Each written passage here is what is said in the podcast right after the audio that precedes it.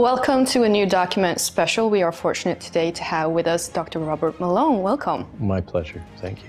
So, Robert, you are a very well known doctor and you started speaking up about the COVID injections. Um, could you tell us a little bit about why, what set the alarm off for you? Why did you start to speak up about this issue? So, it's hard to go back in time. There's been a kind of a gradient of events. And it hasn't just been about the jabs, it's also been about the censorship. Mm-hmm. And in particular, the medical ethics, the breaches of medical ethics. And um, so it's, it's, you know, back in March, uh, Jill had built this book, March of 2020, on how to prepare and protect yourself from the novel coronavirus. And then that was uh, deleted by Amazon and they would give us no explanation. We asked and asked and asked. And finally, they said these words that we'd never heard before it violated community standards. Uh, and that's all the explanation they would give us. So that that goes back to March of 2020. Mm-hmm. Uh, but in particular, as I look back, a pivot point was when Byron Bridle obtained this Japanese Common Technical Document, which is uh, the regulatory words for the dossier of information that Pfizer was submitting to all the regulatory agencies all over the world for to justify uh, initiating uh, dosing clinical trials and then the rollout of these mRNA-based products.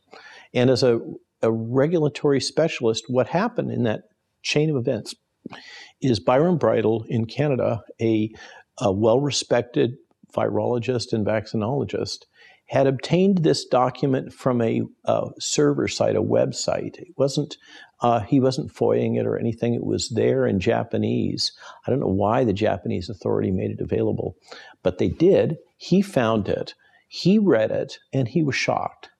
Uh, and he wrote up his observations and concerns, and then shared the document with an organization that I was writing for at the time, Trial Site News. And Trial Site News sent it to me. I've heard it now f- from Byron's point of view because we've uh, spoken together in in um, Canada. He was really afraid of what I was going to say, and um, we were on a teleconference after I had done my review, and then I was so shocked by what I saw I shared it with another, even more senior regulatory professional, more experienced regulatory professional that I'd known for decades. And he said, Yes, everything you've said here is correct. Plus, you missed the NAT things that had been overlooked. Um, and so I wrote this up and uh, we got on a teleconference together. And Byron tells the story that he was really afraid of what I was going to say, that I was going to contradict him, that he got something wrong. And instead, I said, Everything that he has observed is correct. Furthermore, there's these additional issues.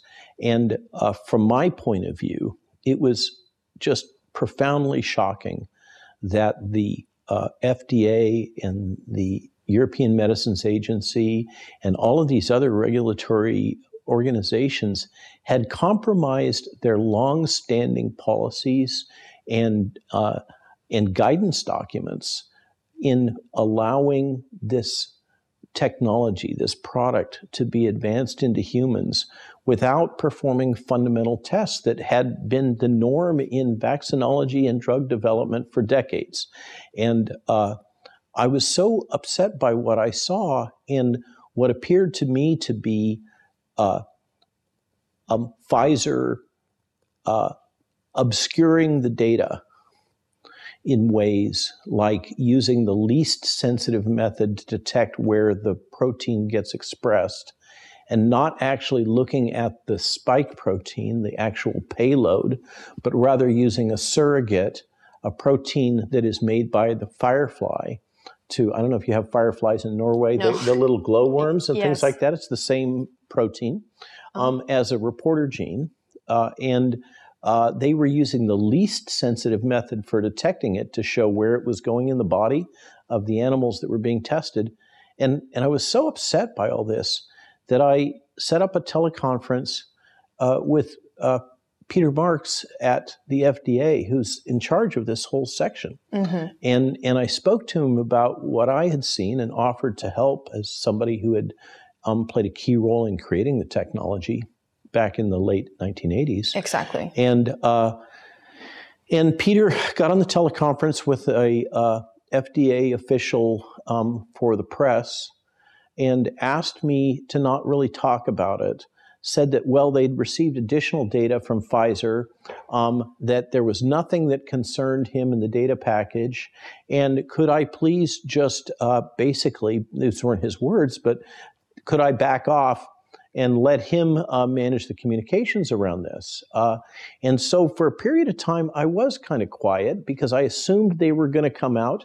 Um, and I assumed that, as I had been told by this leader at the FDA, even though I was interacting with senior people in the FDA from other parts, non uh, parts of the FDA that weren't providing direct oversight on this, uh, I, I believed him that uh, the additional data showed that the product would be safe and effective.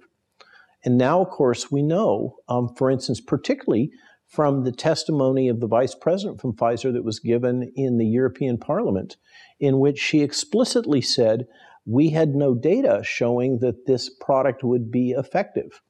And uh, I, that was a turning point for me. I was misled. Um, clearly, the uh, studies did not meet standards. And uh, um, clearly, Dr. Bridle, who has just been vilified, uh, the harassment that he's had to encounter in Canada has been stunning. Uh, but that's the case for many Canadian physicians and scientists that have spoken out. And they're all being vindicated now. I mean, that's that's the. I wish, frankly, I wish it wasn't the case. I wish I was wrong and we didn't have evidence of millions of people dying unnecessarily. And uh, the forced administration and compulsion in children, all of these truly, I think, crimes that have been executed based on normal standards that have existed since World War II of medical ethics. Mm-hmm. Um, uh, I, I, used it's a strong word, but there have been um, significant breaches of well established medical ethics all across the Western world.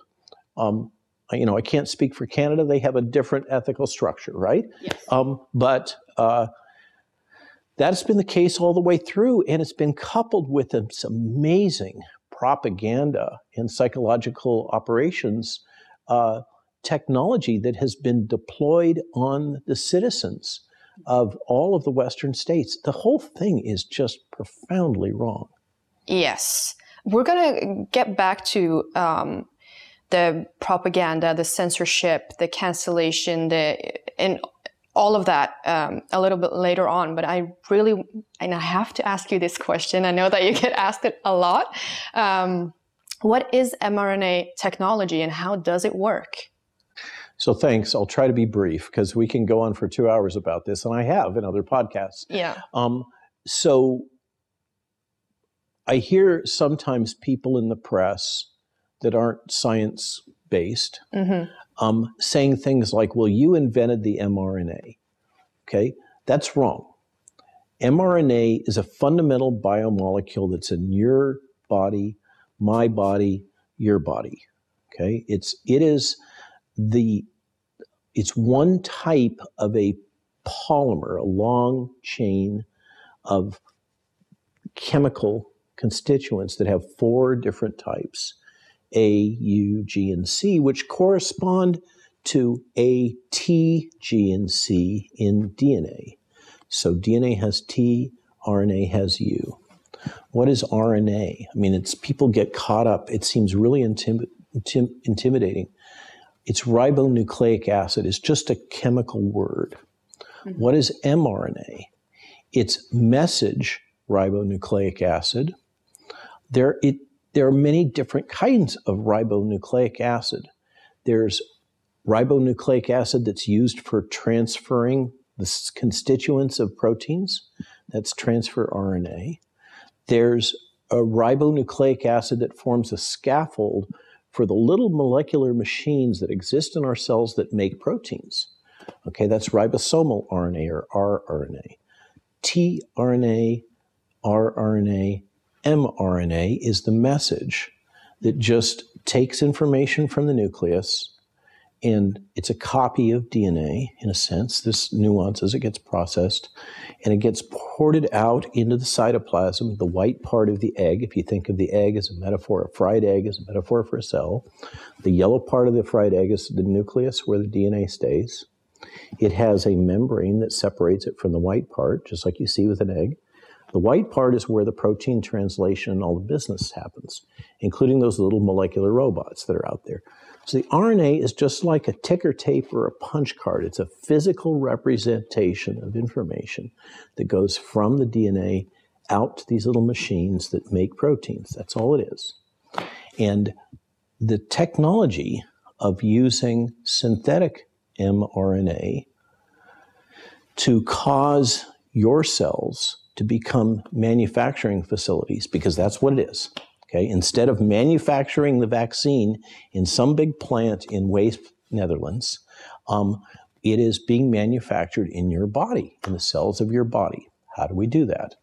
We kind of hijack the, or with this technology, it kind of hijacks some of the cells in your body to make the vaccine protein itself.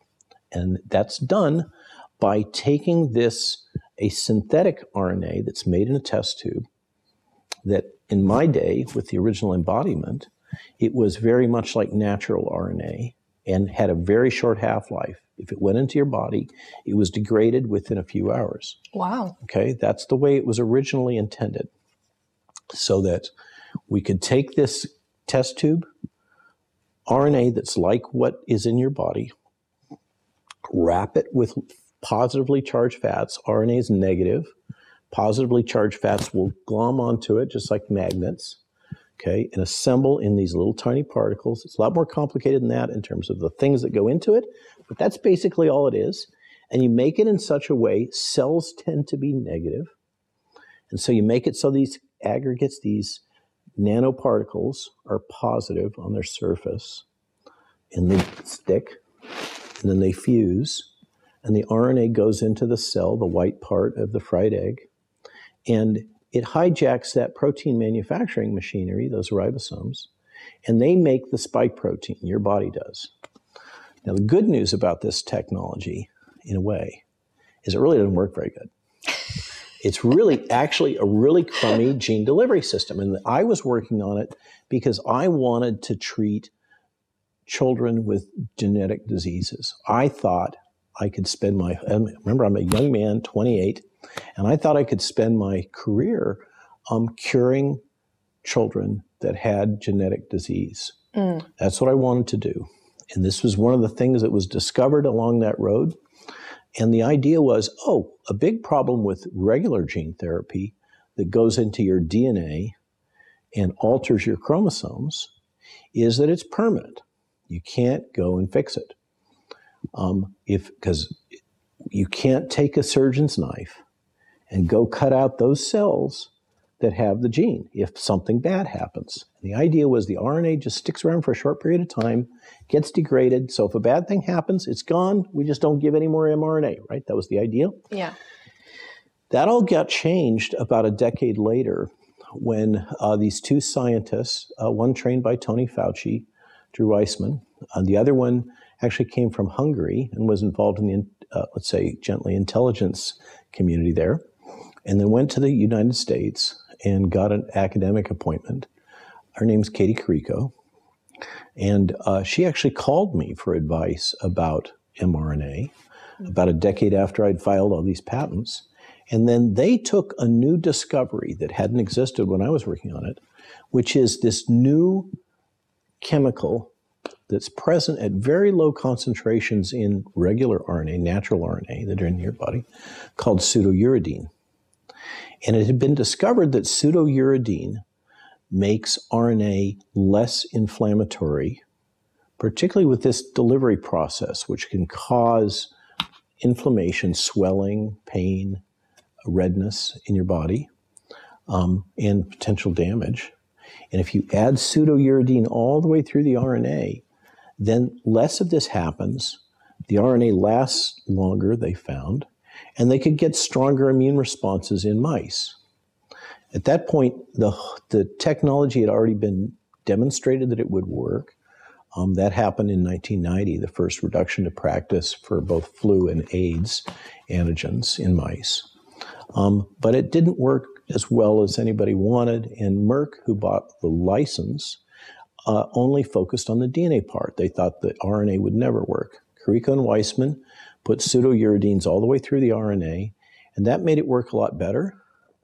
But it had a downside that they didn't really look into, which is now you had a molecule that is not a natural RNA at all. And it lasts for a very, very long time, including in the human body. Now we have data um, published in Cell magazine in February of this year from humans that have been biopsied that shows that these unnatural molecules that aren't really RNA last for 60 days or longer. They didn't test beyond 60 days. And so all the stories that your physicians have been told, and maybe you heard, uh, that the RNA just lasts a short period in your Yes. body, Yeah. that's all a lie. That was not based on data. That was based on hope. Ah. Okay? Um, so that's not what happens. And so that has a bunch of implications, including if we're looking at the adverse events, the bad things that can happen after you dose this, we shouldn't just be looking at the first few days or even the first couple of weeks.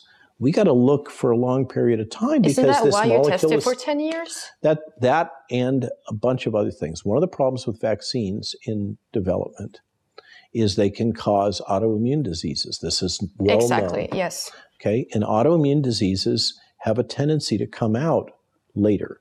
Mm-hmm. And the only way that we can really know about long-term safety is to test long-term safety. yes. But instead, the decision apparently was to spread fear. And in particular, I think spread fear among governments and government officials. We do know for a fact that uh, a lot of these non-organizational, uh, non-government organizations did actually take over the COVID pandemic response. Politico and Die Welt, they dug into this for seven months and delivered a huge piece on this exact thing. Wellcome Trust, all of these organizations. Yeah, you're talking about the Politico article. Yes, Yeah, that's a fascinating article. it is. it is. It's it's a limited hangout. They disclosed things they had to disclose, Mhm. and they distracted from other things that they didn't Yes. want us to think about. Of course, but nonetheless, we do know that governments across the Western world did actually leave the pandemic response up to th- these organizations. And you can you don't have to be a genius to understand that we all did the same thing. If you look from country to country, from Norway to the to US, Amazingly harmonized. it is. It's ex- exactly the same thing. I think the only Propaganda was harmonized. Oh yeah. I, I tend to believe this is the world's biggest study in propaganda. You know, that I agree. yeah, because what they've been doing throughout the Western world these past two years has been so organized. It's been the same, and they, but we all know about the UN, the World Economic Forum. We see them. Oh, you're a conspiracy theorist. Actually, today I listened to Tucker Carlson this morning. It was really interesting because he he picked um, he talked about Kennedy. Uh, Kennedy? No, which which president was? John F. Kennedy. Yeah, John F. Kennedy. Robert Robert Kennedy Jr.'s uncle. Yes. And then his father, who had been attorney general, was also shot when he was running for president. Wow, that's that's a coincidence. that's not a conspiracy. Well, anyway, he was talking about this and how the term conspiracy theorist actually came about in the media after this happened because they wouldn't disclose this information. They still don't want to give out the information about what the What actually happened? yes, Yes, so the, you're exactly right. The media, together with the government, yes, and back then, and we're the conspirators. right in well, so that's classic transference. We see a lot of that. And back then, uh, I think we still had something called Operation Mockingbird, Yeah, in which we had the CIA placing agents directly in American the media, to yeah. create this. And now, uh, in the modern era, we have um, vehicles such as uh, the Council on Foreign Relations, uh, which has as memberships, this is an international group, but very US dominated. Um, uh, and a large fraction of CNN's reporters belong to it. wow, Okay, it, it is absolutely a uh, a state, you know, in the sense of uh, United States foreign policy. It's absolutely a state based organization that promotes storylines and propaganda and, and theories about the nature of the world. We're still swimming in a uh, information sea mm. that is highly, highly manipulated mm-hmm. uh, by a variety of agents and entities. And I'm afraid, you know, we everybody points to the CCP in China, and there's no question, or Russia Times, and and you know, before we used to have Pravda, uh, but um, much of of this situation that we're living in right now has been dominated by um, the uh, propaganda that's been promoted by the United States, NATO, and these globalist organizations yes. um, that you mentioned. So um, I don't, I don't want to drag this out way way out on the political side necessarily, but now turning back to the the medical side of things, what is the benefit of the mRNA technology? That's a great question, and and I like to lecture on this. Uh, I have to be really careful that people don't misinterpret that I am defending the logic of the government, mm. but rather what I'm trying to do is explain it so that we can understand at, at least what they appear to be thinking. I, I, think it's safe to say there are many agendas here. And uh, we have heard, for instance, Yuval Harari of the yes. World Economic Forum mm-hmm. speaking about, and many others, speaking about the benefits of getting, in particular, the European a union population who traditionally has been very opposed to genetically modified organisms to accept that they would allow themselves to become genetically modified organisms through the deployment of this mRNA technology. So, this is a little bit from that perspective, it has an agenda that's much more long term, that has to do with gaining populace acceptance of uh, gene therapy of genetic modification of human beings, which is part of, of that agenda. Stepping back from that and acknowledging that those larger agendas exist. Mm-hmm. Um, uh, in the United States, within the let's call it the biodefense industrial pharmaceutical complex because that's what it is. Okay, particularly since 9 11. Um, we, with the anthrax attacks, we have had the growth of a massive industry first in the United States, and then through CEPI and other organizations, we've exported this to Europe and the rest of the world. Uh, and uh, of course, now we have CureVac and and so many other organizations that are, uh, you know, BioNTech that are European based that are have embraced this technology and been funded by the German government, among others. So here's the logic, um, and I'm going to illustrate with a fun little fact. Uh, there, the, there were a number of bioweapons that had been developed in warfare up until the end of World War II. A notable example is smallpox. In the American campaigns to eradicate the Native American population, that's what it was genocide, um, there was the use of smallpox infected blankets that would be given to Indian populations. That's a great example of biologic warfare that's that's quite old. Um, biologic warfare has been with us for a very long time. But up until World War I, it became increasingly sophisticated. And in particular, the biologic warfare program of the Japanese government is quite notorious.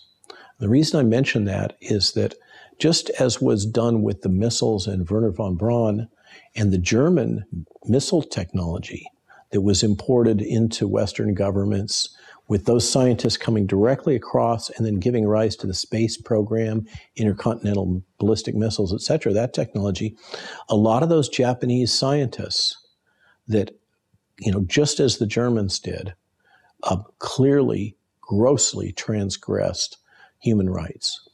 Okay. And yet they were brought back to the United States and many European countries and gave rise to their biowarfare programs. So there was these a variety of biowarfare agents deployed up until the end of World War II. And with current technology, well established uh, vaccine development technology, the US government is on track to have vaccines, if nothing goes wrong, to have vaccines for all of those biowarfare agents deployed up until the end of World War II. And those vaccines should be ready by the year 2050, a full century after the risk. And now we have the brave new world of bioengineering. You've seen that in play with, uh, you know, whatever you think about the lab leak hypothesis, there's no question that the Wuhan Institute of Virology and many laboratories all over the world, including the United States, often funded by the United States or by the CCP or by Russia, thanks to Ken Alibek, we know, um, uh, have been actively engaged in what we call gain of function research. Mm-hmm. The reason we use those languages, gain of function research, those words, is because the biowarfare treaty prohibits the development um, in a limited way of uh, aggressive biowarfare agents. Okay. Okay. Um, uh, it does not prohibit the development of defensive. You're allowed, you're blocked from developing offensive bioweapons, but not from developing defensive bioweapons. And so we use this language to cloud the whole issue. We call it dual function research, and we call it gain of function research. But it, in the very words dual function, it acknowledges that it's partially for defensive and scientific R&D purposes, but it can easily be used for offensive purposes. Mm-hmm. The technology now is so advanced that the bioweapons that the United States developed in the 60s for basically to neutralize the threat of Russian tank crews. I mean, Norway is well familiar with the uh, existential threat of uh, T 72 tanks that existed during the Cold War. And Norway is still encountering the existential threat of uh, Russians in the Arctic Circle, right? Yeah. Um, and uh, so we developed the United States Biodef- Biodefense Enterprise, uh, developed bioweapons that were so powerful, and they were actually field tested in Alaska, so powerful that if they were deployed on Russian tank crews, they would not be able to make it to the English Channel. Wow. Okay. There's a school of thought that the bio warfare technology um, had more to do with neutralizing the Soviet threat in Europe than did neutron bombs and, and that technology. And in fact, there's a case can be made that the United States spent more on biowarfare technology than they spent on thermonuclear weapons, just to give a sense of scale. All that got stopped with the biowarfare treaty, but now we're in an environment of fourth generation warfare of terrorist organizations, cells, non state actors mm-hmm. that seek to disrupt, um, that have at their fingertips a technical capability that does not require an advanced PhD, unlike uh, let's say, enriching uranium, mm-hmm. uh, uh, that can be produced in relatively small scale and yet have huge impact, uh, and can be done with tools that you can buy on eBay. Okay, so the threat you can appreciate is exponentially larger than it was at the end of World War II. What are we going to do about it?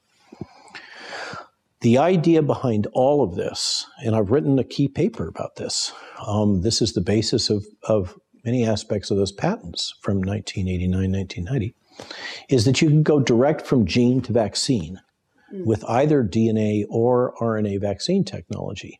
So the time lag that's associated with the development of the potential product.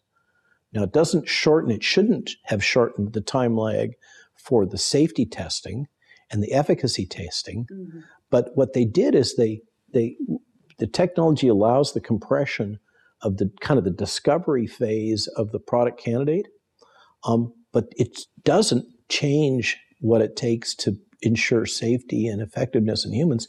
But they kind of threw all those rules out the door um, under the theory that this virus was so wicked, so lethal, was causing Chinese people to die in the streets, right? Yeah, we Um, remember seeing uh, and clips. it was all propaganda. yeah, yeah, but yeah. it got injected into the White House, Mhm. and they overreacted. Um, and uh, still to be determined. I don't know if we'll ever get to the bottom. You mentioned the Kennedy assassination. Yeah. Um, still to be determined is whether this was really serving a much broader agenda. But what I've given you is the ra- official rationale: is we need a we collective humanity in the face of emerging infectious disease and engineered bioweapons with the new technologies that are available, we need a rapid response capability. Mhm. Um, and unfortunately, in my opinion, whatever potential this technology may have had, um, and uh, just to put a pin in it, in my opinion, CureVac, which does not use the pseudouridine, does not create these very long lived, non natural molecules, produced immune responses that dose for dose were the same as those produced by BioNTech, Pfizer, and Moderna. Um, and it's unfortunate that in the scrum of things, they got pushed to one side. But I think we're now in a situation where the potential of the tech, in terms of people's willingness to accept it, has been deeply compromised. Oh yeah, we're way.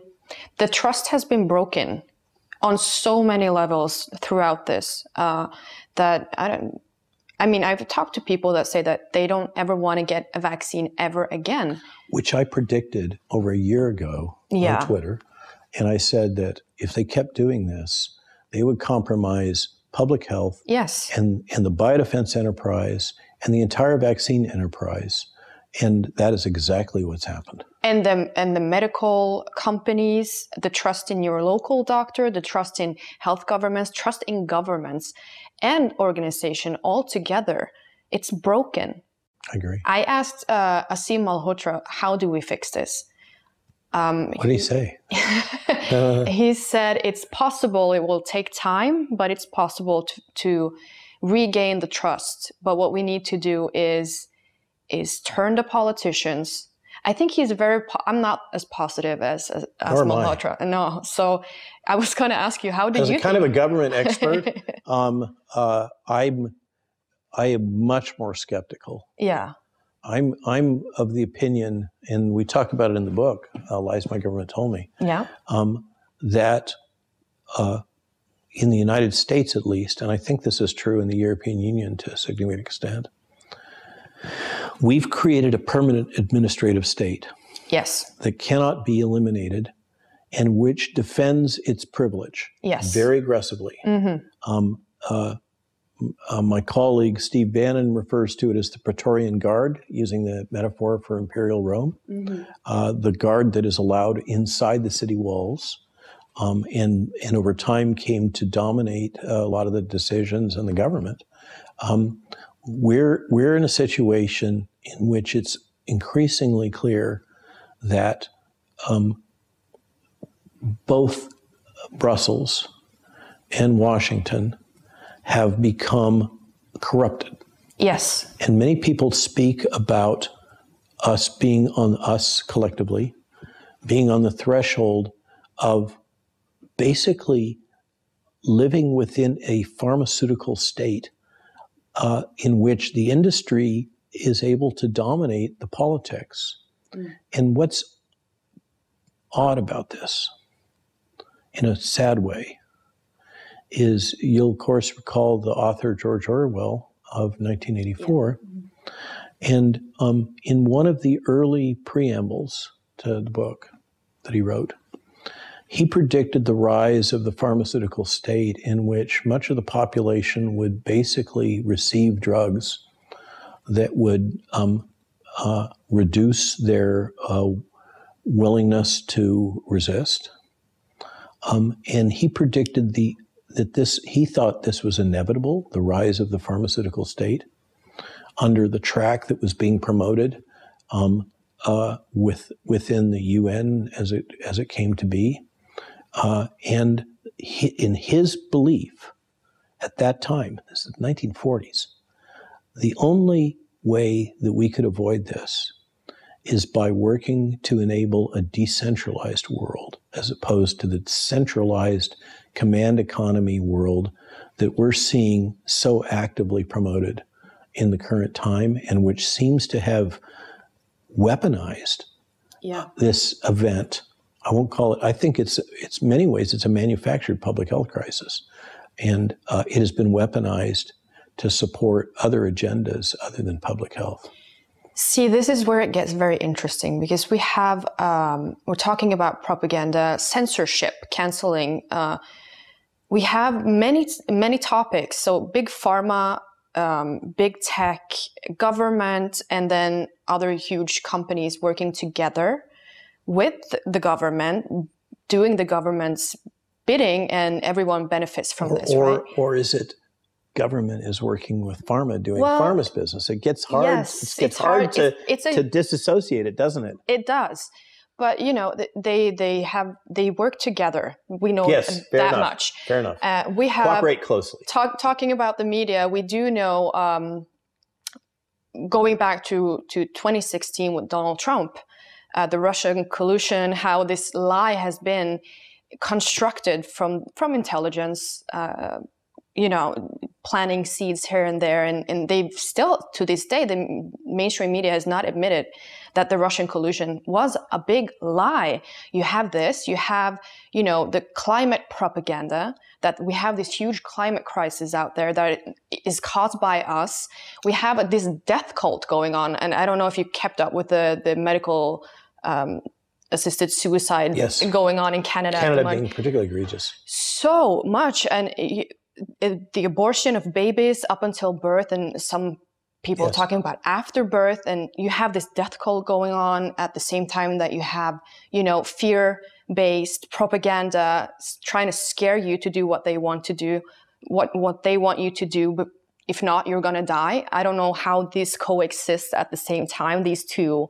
And yet they do. and they do and they are and they are universal. They Yes. are in every major nation state across the world simultaneously. Yes. Just like the promotion of the transsexual initiative oh is yeah. another thing. That's and that's a yeah. lot of the messaging to our children in our schools it's all harmonized. It's hard to understand what the hand is who's the puppet master how is this happening or is it an emergent phenomena is this a swarm uh, decision making you can't you can't they're all interdigitated you They are. can't separate it and figure out what's really going on No. And, and uh, talking about trust and going forward, how all these lies, the, they're not owning up to their lies. Um, the media is not owning up to the, their lies. Absolutely. They're, uh, they have, um, they also work together in, in censoring stories, canceling stories. They, they, well do- there's there's the organization called the trusted news initiative yeah, managed by the British Broadcasting Corporation Mm-hmm. that was developed, as you point out, to uh, resist Russian propaganda influencing, this is the storyline, Mm-hmm. influencing elections. Um, and that was built off of that Russian propaganda storyline that was, we now know was false.